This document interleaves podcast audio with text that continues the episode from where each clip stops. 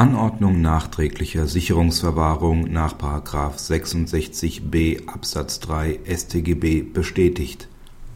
Der BgH hat keine Bedenken gegen die Verfassungsmäßigkeit des § 66b Absatz 3 StGB, wonach die nachträgliche Anordnung der Sicherungsverwahrung möglich ist.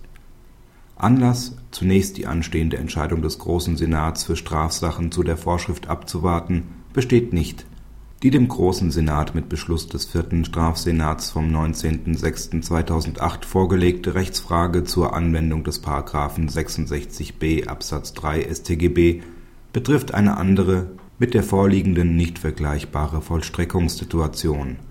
Eine nachträgliche Anordnung der Unterbringung in der Sicherungsverwahrung durch das Landgericht Frankfurt am Main ist damit rechtskräftig das LG Frankfurt am Main hat gegen den Betroffenen nachträglich die Unterbringung in der Sicherungsverwahrung angeordnet.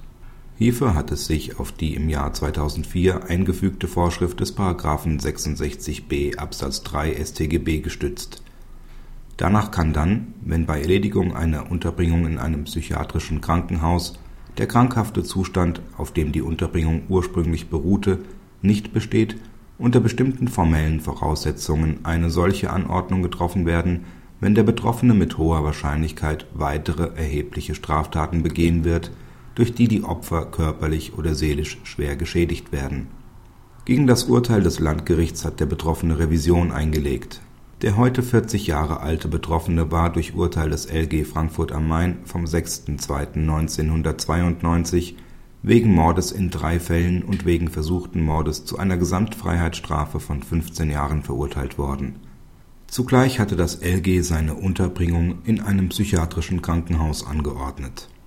Er hatte in den Jahren 1988 und 1989 aus sexuellen Motiven eine Anhalterin und zwei Prostituierte in seinem Auto erwürgt. Am 20.03.1990 war er bei dem Versuch, eine weitere Prostituierte zu töten, durch eine Zeugin gestört und am Tag darauf festgenommen worden.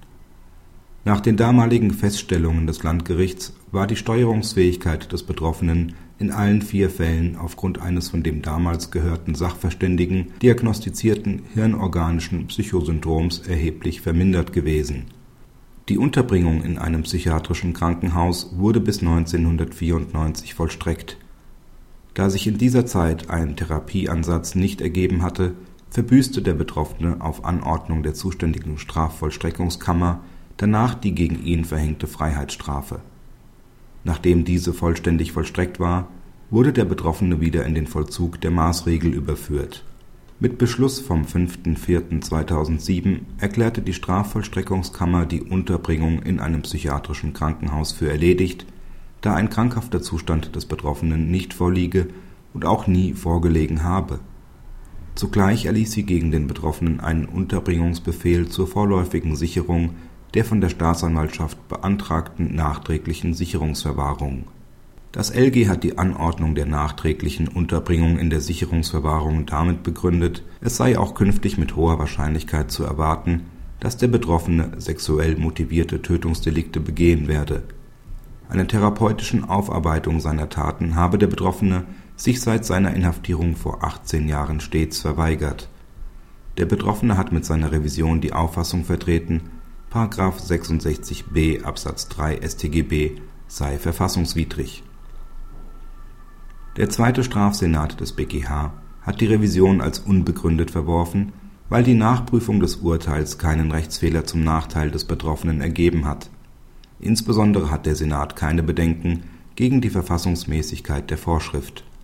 Anlass, zunächst die anstehende Entscheidung des Großen Senats für Strafsachen zu § 66b Absatz 3 StGB abzuwarten, bestand nicht. Die dem Großen Senat mit Beschluss des vierten Strafsenats vom 19.06.2008 vorgelegte Rechtsfrage zur Anwendung des § 66b Absatz 3 StGB betrifft eine andere mit der vorliegenden nicht vergleichbare Vollstreckungssituation. Die nachträgliche Anordnung der Unterbringung in der Sicherungsverwahrung ist damit rechtskräftig